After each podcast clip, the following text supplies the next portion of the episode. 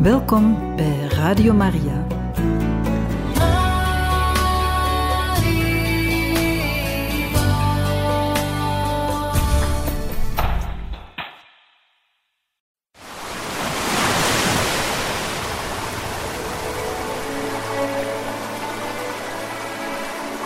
Welkom bij Radio Maria. Dit is het programma De Rots in de Branding. Presentator Jos de Kok.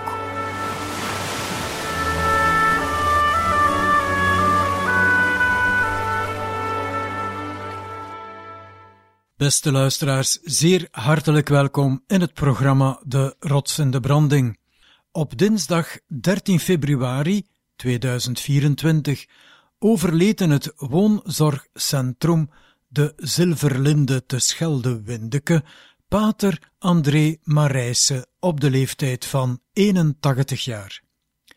De begrafenis vond plaats dinsdag 20 februari in de kerk van Balegem-Oosterzele, waar hij op 20 juli 1969 zijn eerste heilige mis opdroeg binnen de Karmelgemeenschap, waar hij was ingetreden in 1961. In het Karmelklooster van Gent was hij spirituele begeleider en predikant. Later in de jaren 70 prior in het Franse klooster te Roquebrune in de Vaar en daarna prior van de Karmel van Yper. In 2001 werd hij geïncarneerd in het bisdom Brugge en vanaf 2007 in het Franse bisdom Belay-Ars. Enkele jaren voordien was zij al geestelijk leidsman en lesgever pastoraal in het seminarie van de gemeenschap Jean-Marie Vianney in het Franse dorpje Ars-sur-Formant, nabij Lyon, waar de heilige pastoor van Ars wordt vereerd.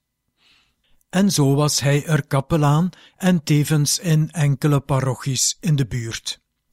In 2019, wegens gezondheidsproblemen, keerde hij terug naar België. In een officieel communiqué bedankte monseigneur Pascal Roland, bisschop van Belay-Ars, pater Marijse voor zijn priesterlijke ijver voor de seminaristen, leden van het presbyteraat, gewijde personen en de gelovigen van het bisdom, in het bijzonder in het kader van zijn ambt in Ars-sur-Formant. Wel, beste luisteraars, als eerbetoon aan Pater Marijse, in Ars en omstreken bekend als Le Père Maris, stel ik voor om de twee uitzendingen heruit te zenden, waarin de pater, mijn vrouw en ik rondgidste in Ars in 2017 en ons wat vertelde over het leven van de heilige pastoor van Ars, maar vooral ook met vele reflecties naar de tijd van vandaag, om ook ons geloof en de liefde tot de Heer te verdiepen en wakker te schudden. Volgen jullie ons maar mee naar een heel klein dorpje, Ars-sur-Formant, in de Dombe, in het Franse departement Ain, in de regio Auvergne-Rhône-Alpen, of om duidelijker te zijn, een goede 35 kilometer ten noordoosten van de stad Lyon. Beste luisteraars, ik ben hier op de plaats Monument de la Rencontre, het monument van de ontmoeting. En ik wacht hier eventjes op Pater Marijse, waar ik om afgesproken heb om 9 uur. Pater Marijse, hartelijk bedankt om uh, een voormiddag u als gids uh, mij rond te leiden in Ars. Dus ik mag dus een, een uur kunnen... Ik vrees dat het een beetje langer zal zijn, denk ik, een ganse voormiddag. Oké. Okay. Maar we hebben hier afgesproken, omdat de pastoor hier uiteindelijk, nadat zijn pastoor in Écully overleden is, is hij dan benoemd geweest als pastoor in Ars, een onooglijk dorpje. En dan is hij met een kar en met een paar meubeltjes, heb ik gelezen, met nog een huishoudster bij, is hij hier dan te voet van Écully naar Ars getrokken. En dan was hij waarschijnlijk een beetje de weg kwijt en dan ontmoette hij hier een jongen. En de rest laat ik u zelf vertellen. Goed, we hebben ons hier op een bank gezet bij het monument en uh, we luisteren met spanning, Pater Marijsen. Dus Jean-Marie Vianney is geboren drie maanden, drie jaar pardon, voor de Franse Revolutie. Dat wil dus zeggen dat hij dus zijn kinderjaren doorgemaakt heeft in de Franse Revolutie. Dat wil dus zeggen, er was op het dorp geen pastoor, er was geen catechese, er was geen school meer. Dus de vruchten van de Franse Revolutie waren voor die mensen zeer zwaar.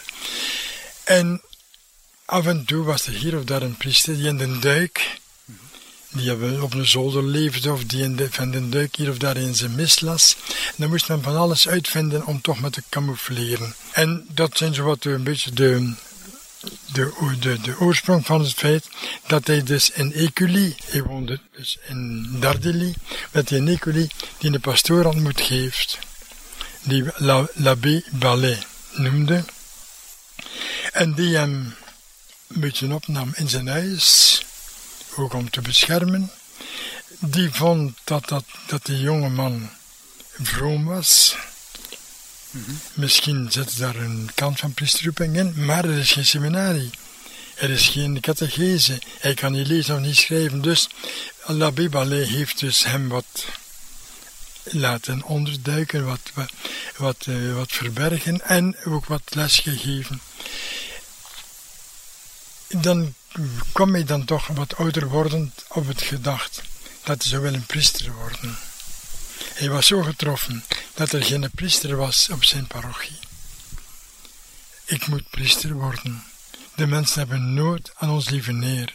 Ik moet kunnen de consecratie uitspreken. Ik moet kunnen de communie geven aan de mensen. En er wordt contact genomen met het seminarie van Lyon. En dat is heel moeilijk verlopen. Ik kon amper lezen en schrijven. En de lessen zijn dan in het Latijn op de koop toe. Dus dat was toch niet zo eenvoudig. En in de loop van een paar jaar tijd, drie jaar zeker, is hij dus zelf twee keer weggestuurd geweest van het seminarie onbekwaam. Mm -hmm. En één keer zelf weggegaan, dus ontmoedigd. Dus het seminarie had het, het Latijnse woord op zijn verslag geschreven, debilissimus, dus zeer debiel. Het toch ook heel pijnlijk is dat te horen over uzelf. Het was ook zijn schuld niet, dat hij dus niet naar school was geweest. Het was dus de schuld van zijn ouders niet, maar dus het vermoorden van de capaciteiten in de mens door de Franse revolutie. Dus hij ziet die l'abbé Bellet veel en die abbé Bellet oordeelt die jongen kan priester worden, die jongen zal priester worden, die jongen moet priester worden. En zoveel omstandigheden hebben hem geleid dat hij uiteindelijk priester geworden is met dan de laatste vraag over hem. Is hij vroom? Ja, hij is zeer vroom. Misschien is het zinnetje een tikkeltje naïef, maar het toont hoe dat God de omstandigheden kan leiden, anders dan mensen. Dat is zo. En dus hij is priester geworden. Ik heb dat eh, in het huis van pastoor van Aarsen, zult je dat dus ook zien. Eh, dat hij dus te voet naar Grenoble is gegaan, alleen, niemand van zijn familie, niemand van zijn bekenden van de parochie van Écully, alleen, vijf of zes dagen te voet, daar priester gewijd in de duik praktisch door Monsieur Simon en vijf of zes dagen te voet terug.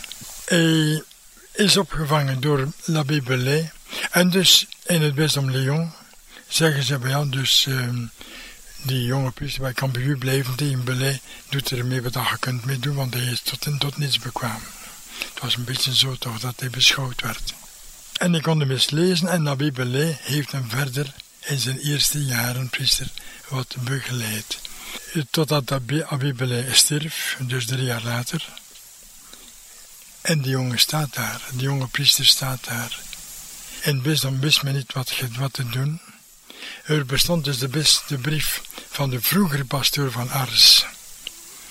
die zei dus het is niet de moeite waard van hier een priester te benoemen. De mensen er als, dieren. Dus die brief bestond en bestaat nog altijd in de archieven. En dus uiteindelijk, de bischop was in, Lyon, in Rome, want hij was een onkel van Napoleon, dus die is gevlucht voor Napoleon. En de vicaris-generaal om er hem vanaf te maken, zegt dus we zullen u benoemen in Ars. Weet je wat? Er is er niet veel liefde, moeten we liefde insteken. Dus uh, dat woord is een historisch woord van de vicaris. En dus komt hij naar hier, te voet, vanuit Écully, dus een 25, jaar, 25 kilometer samen met madame Ricotier en een stootkarken met een paar meubels met wat boeken. Alles wat hij had, hij had zeker niet veel. Het was geen verhuiswagen die hem heeft komen verhuizen. En hij komt dus in Ars aan, of bijna in Ars. Hier is het een steek met veel mist. We zijn in februari, we zijn dus op dit moment op 13 februari. Er is mist. Ze zijn allebei moe. Van de tocht 25 kilometer dan toch te doen. Ze maken zich wat zenuwachtig op elkaar. Er zijn geen asfaltwegen zoals nu. Er zijn een aantal voetwegen. En dus hij ziet daar een geit. En hij gaat in die gerecht van de geit, want hij weet dat er, vermits er een is, moet er een jongen of een meisje niet zo goed. En de geiten weten waar dat die jongen is. Eh, dat is. Dat is een oude boer, hè. Die, en dus hij gaat in de richting van de geit, die geit vlucht en hij komt inderdaad bij een jongen terecht. Die jongen die noemt Antoine Givre. En dus de pastoor in Soutane wordt dus herkend door die jongen. En die vraagt dus aan die jongen, eh, arts, waar ligt dat? Recht door, meneer pastoor, in de diepte. En dus, zij gaan verder door, zijn dus niet mist in hun weg, zij gaan verder door. En hij, voordat hij vertelt, legt de hand op de schouder, de linkerschouder van die jongen. Gij hebt me de weg naar Ars getoond, ik zal u de weg naar de hemel tonen. En, past, en Jean-Marie Vianney wijst met zijn rechterhand naar de hemel. 13 februari 1818. Merkwaardig hij verwijst naar de hemel. Antoine Giever was een katholiek en al dan natuurlijk. Hij wist de binnenkant van de kerk niet zijn. Hij was toen 14 jaar. Ik zal u de weg naar de hemel tonen. Me denkt dat hier pastoor Van Hers door God begeleid getekend heeft wie hij later zal zijn. Ja. Maar dat, dat weet hij zelf ook nog niet. Ik zal u de weg naar de hemel tonen. Dus Heel zijn toekomstig priesterleven zit hier vervat in deze zin. Ik verwijs naar mezelf en naar de priesters. Vergeet de hemel niet in onze gesprekken. Met onze begrafenissen bijvoorbeeld. We gaan de begrafenis uit handen geven in Gods naam. Wanneer gaan we dan over God spreken aan onze mensen? Ja. Ik, ik wil echt een oproep doen. Vergeet de hemel niet. Ja. Priesters. Nu, frappant is dat uh, die jongen gestorven is uiteindelijk enkele dagen na de pastoor Merkwaardig. Van Dus ja. die jongen is heel wat jonger natuurlijk. Dus pastoor van Ars was op dat moment uh, ehm, 32 jaar. En dus als 31 jaar later de pastoor sterft, mhm. vijf dagen later sterft ook Antoine Givre. 120 jaar later heeft hij die dus dat standbeeld ah, gezet. Ja. Dus pastoor van Ars in Soutane, die legt dus zijn linkerhand en neemt zijn hoed af. Hij is beleefde pastoor. Ja. Als er geen beleefdheid is, is er ook geen pastoraal. Hij doet zijn hoed af, hij legt zijn hand op zijn rechterschouder en hij zegt, gij hebt mij de weg naar Ars getoond, ik zal u de weg naar de hemel tonen. Pater Marijse, mag ik u vragen dat u mij nu ook de weg toont naar Ars en dat we samen eh, het kerkje gaan bezoeken, het huisje. En dat u een aantal reflecties geeft. We gaan dat proberen te doen. Eh. Maar eerst een keer even kijken. Hier. Ja, want, want het blik is belangrijk. Ja, je had gezegd dat het in een dal lag. Ja. ja. En inderdaad, je ziet, ja, op een hoogte. Ja. Op een hoogte. En dus Ars ligt in de diepte. Ja. En in het midden van Ars zien we dus de basiliek van Ars zeer goed.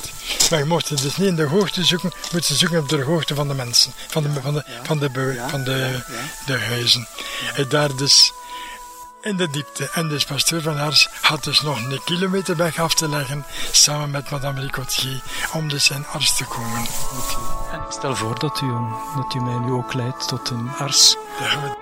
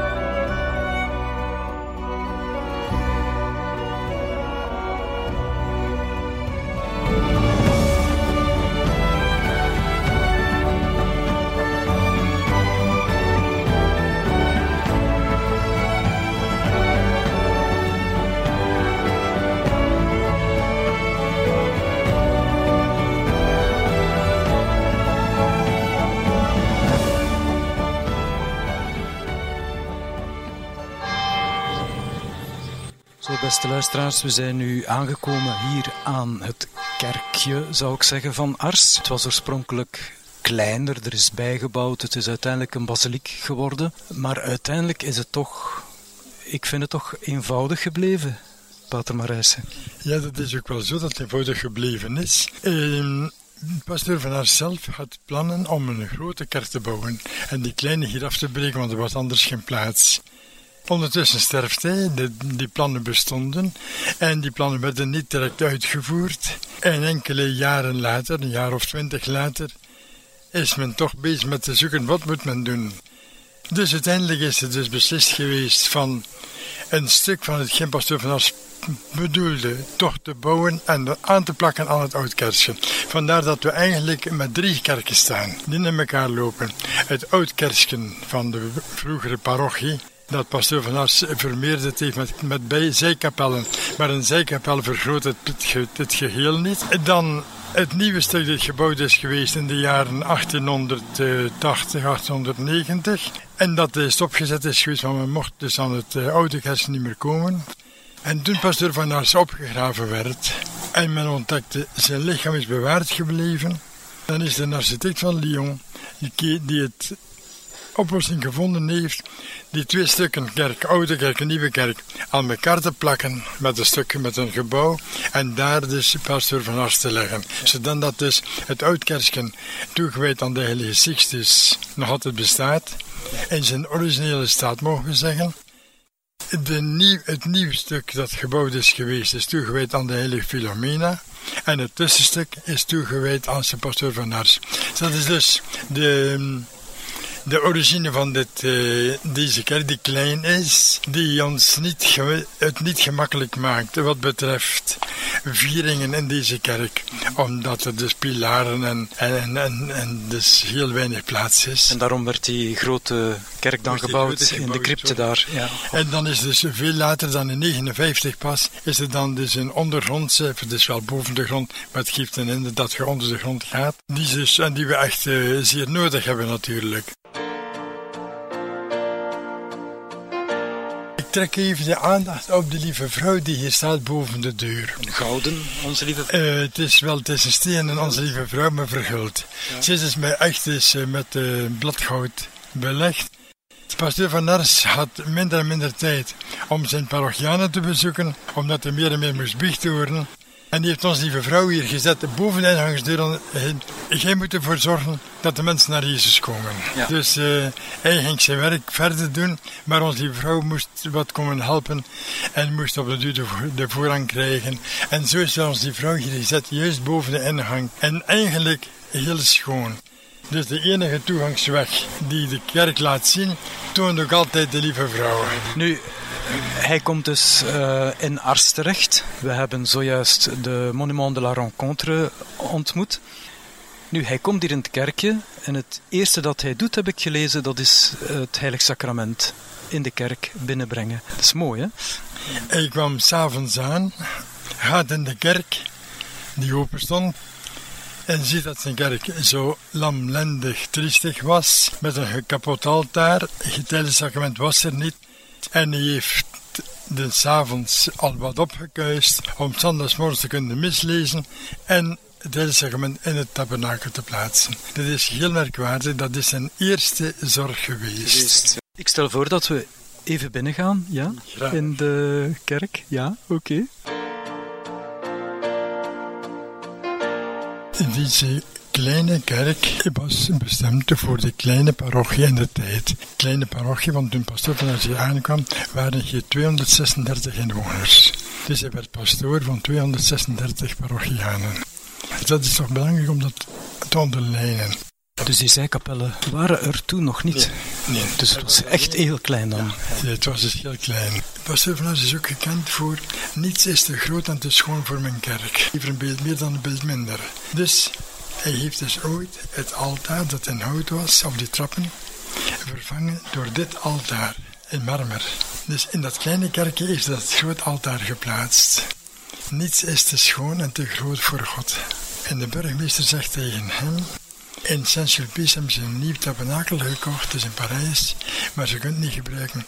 Koop het dan maar en breng het mee, zei de pastoor. En dat is dat tabernakel. Dus dat grote altaar en dat grote tabernakel en dat kleine kerstje. Voor God is niets te schoon te groot. Ik kan soms vragen stellen bij het te vereenvoudig maken van de liturgie of van... Dus een, ja. Men heeft veel te veel het centrum, het tabernakel, het altaar, onze lieve vrouw. Men heeft veel te veel wat we genoemd hebben versoberen. Meestal was het niet versoberd, maar was het, het vertaalde een vorm van geloof. De inhoud werd ook versoberd. Ja, dat is dat. Ja. Daar kunnen we uren over praten. Ja, dat is...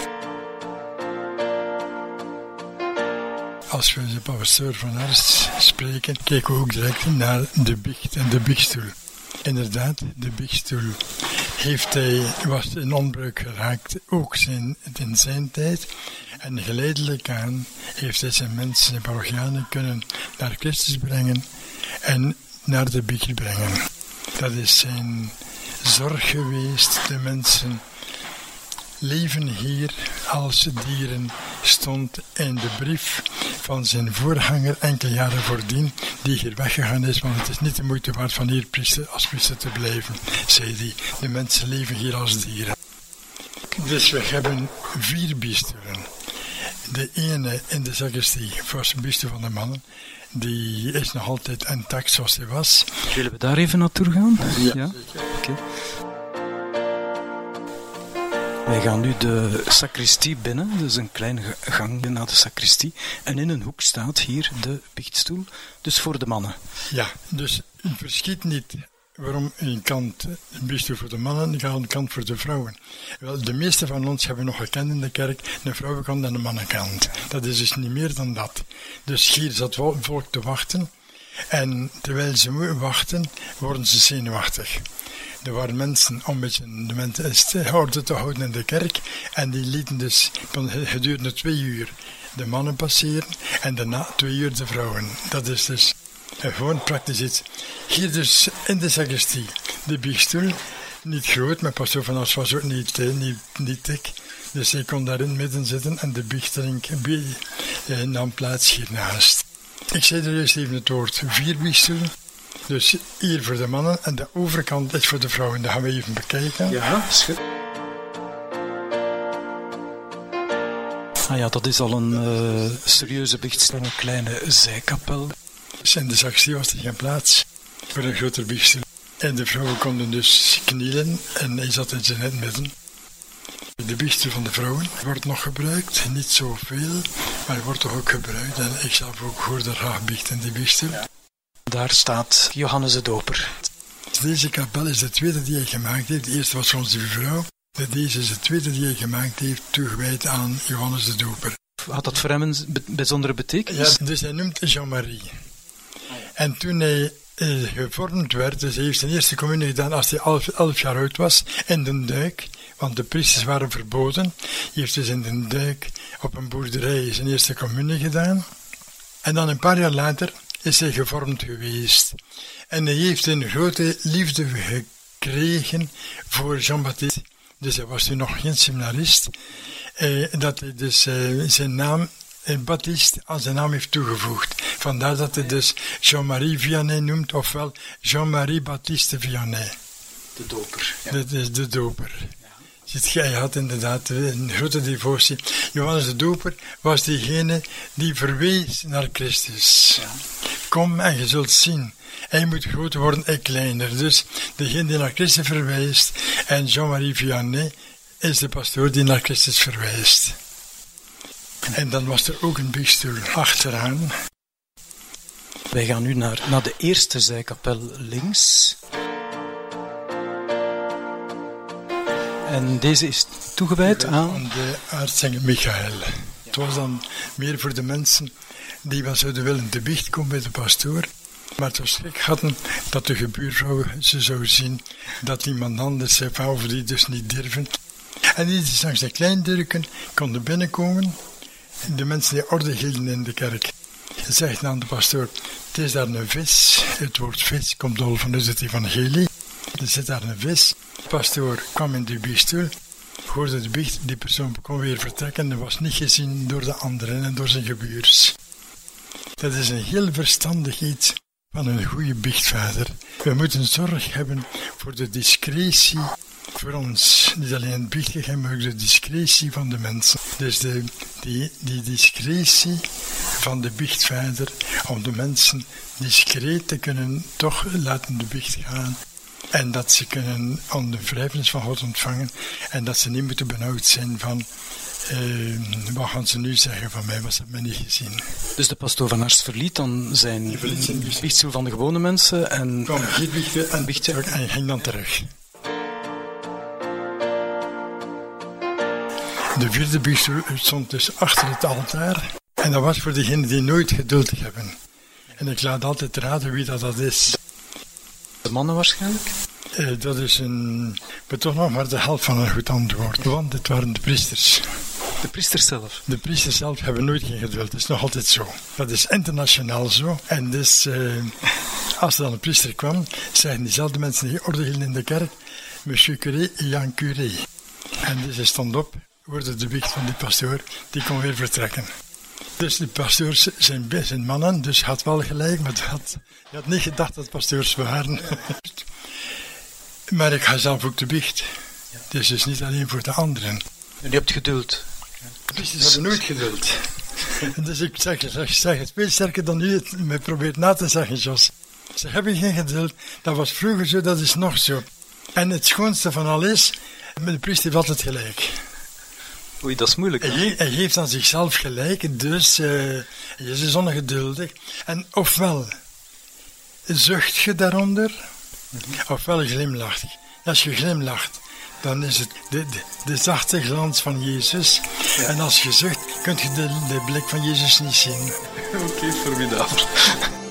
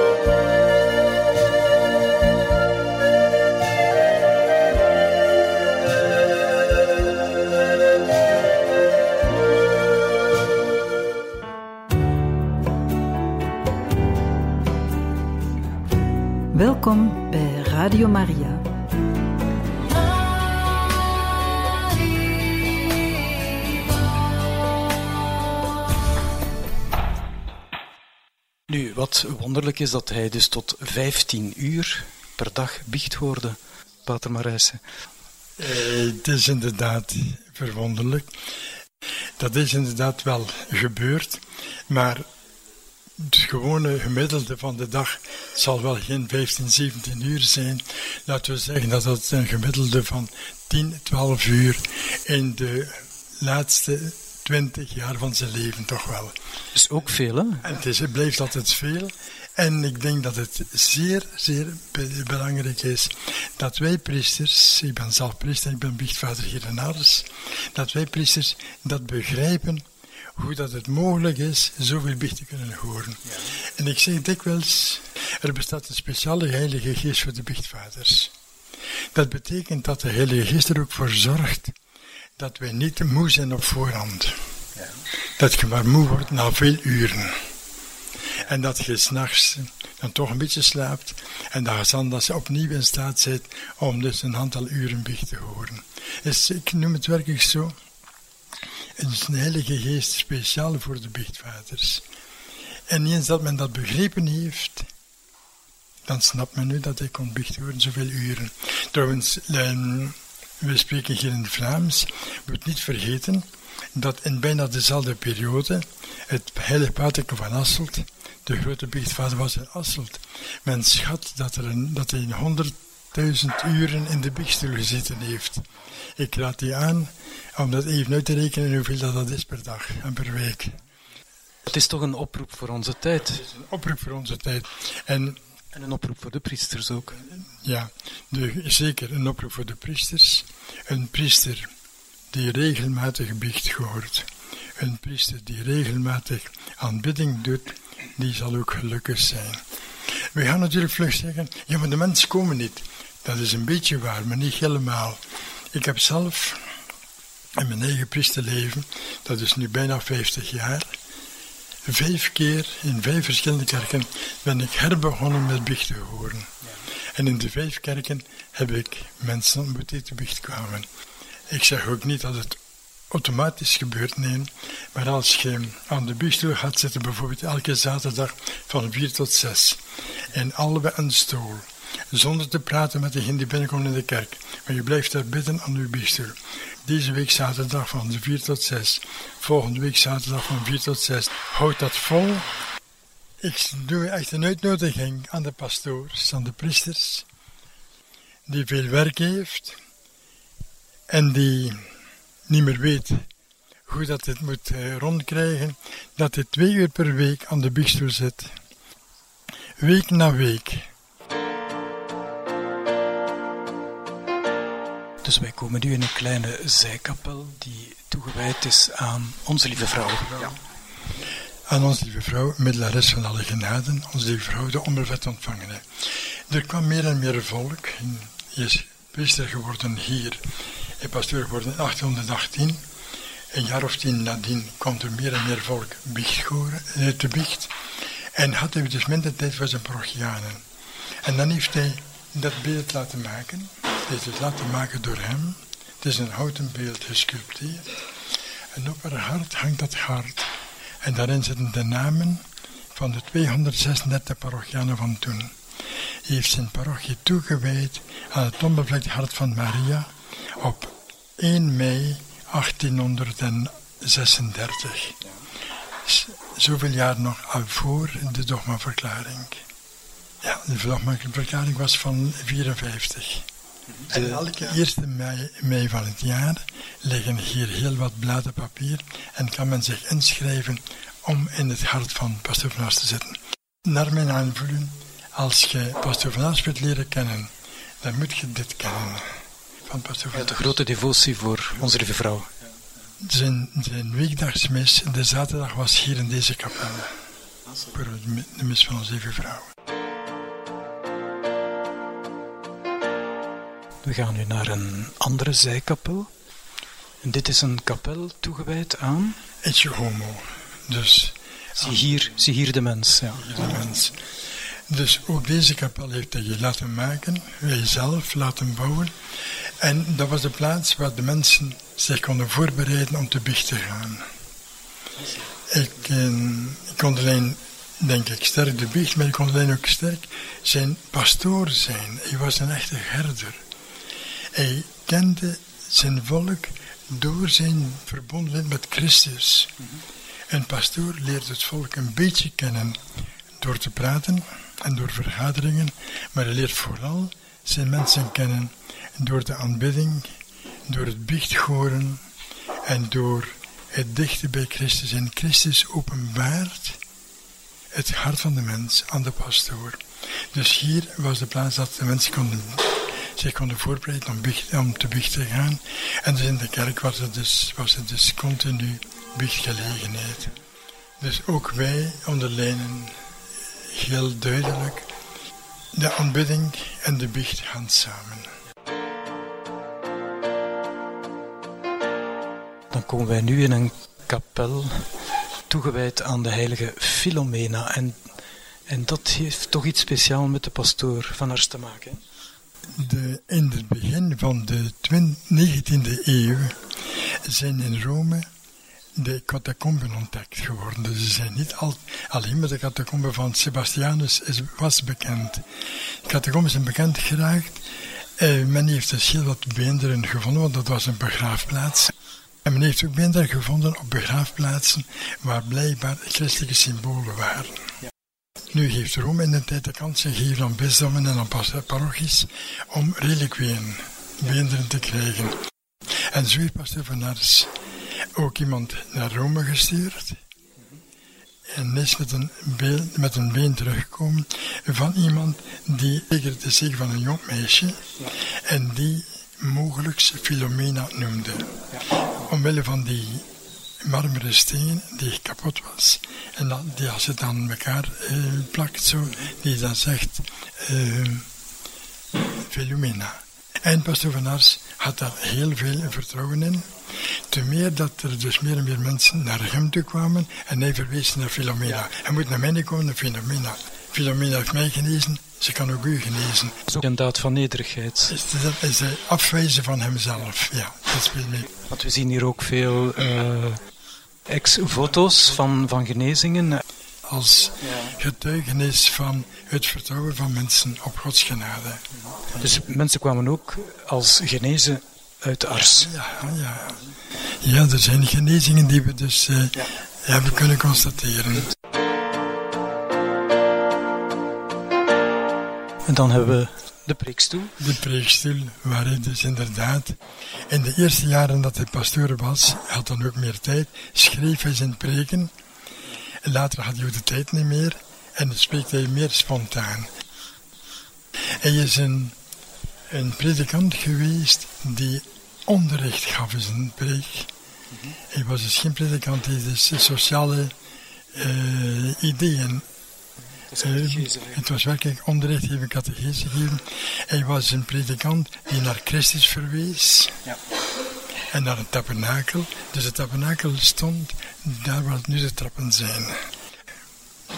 Zijn, zijn preekstoel was aan de linkerkant. Dus met zijn linkerhand heeft hij heel veel herhaald. Il est là. Hij is daar. Dus hij verwees met zijn linkerhand naar het tabernakel. Het is ook daar dat veel knielde. Als we kijken naar de, het aantal uren van pastoor Van Nars, inderdaad de biecht horen, naar de providence gaan, eh, naar parochianen gaan. Eh, elke dag, elke dag heeft hij ook een tijd besteed aan aanbidding. En dat is iets wat wij dus in Ars heel duidelijk onderlijnen. De aanbidding roept de biecht op. En de biecht vraagt om aanbidding. En dus de priester die het hele sacrament uitstelt en daar biddend voor het hele sacrament zit en zo dicht bij zijn biechtstoel zit. De mensen komen te biecht. Je moet alleen maar God laten geduld hebben moet zelfs niet rekenen op uw eigen geduld, maar God laten geduld hebben. Hij is daar. Merkwaardig. De priester kan de gostie, dus Jezus zelf in zijn handen nemen. De pastoor van Ars heeft prachtige zinnen over de beleven van de Eucharistie. En ik moet zeggen, het is hetgeen dat wij dag, dagelijks mogen beleven. Wij zijn priesters om de Eucharistie en door de Eucharistie. Dus elke dag met alle vroomheid de mis lezen, elke dag naar onze kerk gaan, de kerk openen voor Jezus. Wij leren al zoveel eeuwen De Eucharistie is het toppunt en de bron van alle christelijk leven. En waarom dan niet dagdagelijks? Quelle beauté! Hoe schoon is dat niet? Dat de priester kan de mis lezen. Jezus kan op het altaar brengen en met het sacrament kan de zegen geven en dat hij kan het lichaam van Christus. En de pastoor van Assen is op dat gebied echt een catechiet. Hij verwees naar de liefde van Jezus. En zo gaf hij catechese aan kinderen, aan, kinderen. aan volwassenen. aan- Dus dit bankje hier is voor zijn catechese aan de kinderen. Ah ja, er staat nog een kleine preekstoel rechts, ja. En, Daar stond hij in voor zijn preek te geven van de kinderen, voor zijn catechese te geven van de kinderen. En er waren heel wat ouders die meekwamen met de kinderen. Ja. En zo gaf hij dus onderricht. Elke, elke dag om 11 uur gaf hij catechese. als priester zijn er van zijn parochianen die gekend zijn, die dan een roeping ontdekt hebben. Nee, dat is ook een mysterie van Ars, dat er geen enkele jongen van Ars al priester gewijd is. Is daar een verklaring of dat is, dat is Gods mysterie? Dat, is dat bestaat.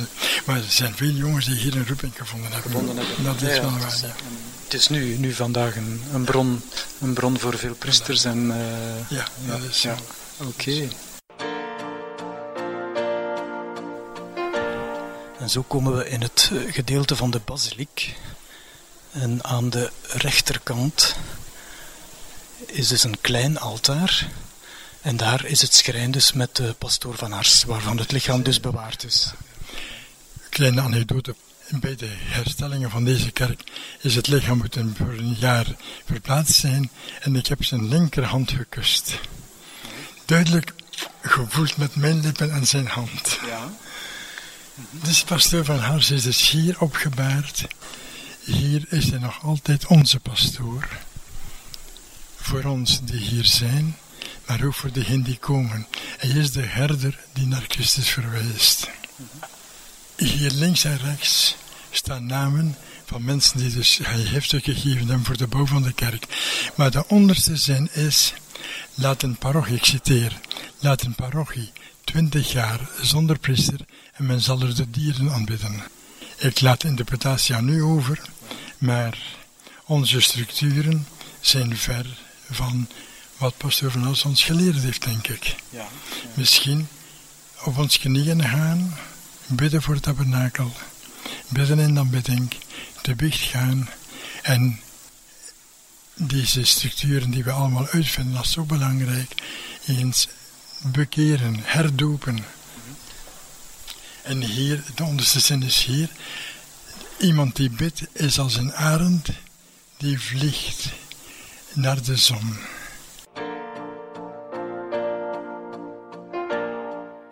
Goed, wij verlaten nu de kerk. En daar staat ook een bronzen beeld van de pastoor. is mooi, hè? Pater Marijsen. Dat bronzen beeld is hier van in 2009. Waarom 2009? 2009 was het 100 jaar geleden, 150 jaar geleden dat pastoor van Ars gestorven is. Dus we hebben een heilig jaar gevierd hier in Ars. En eh, de, dus dat kleine deurtje van die biechtstoel was toen onze heilige deur. Heel het jaar door is die deur open geweest.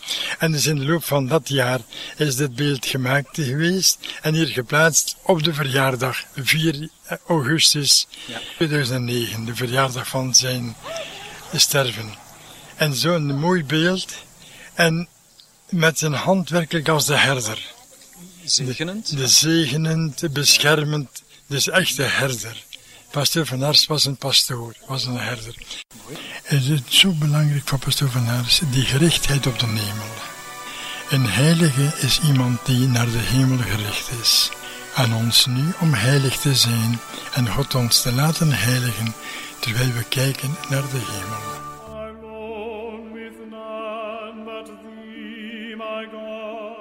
Alone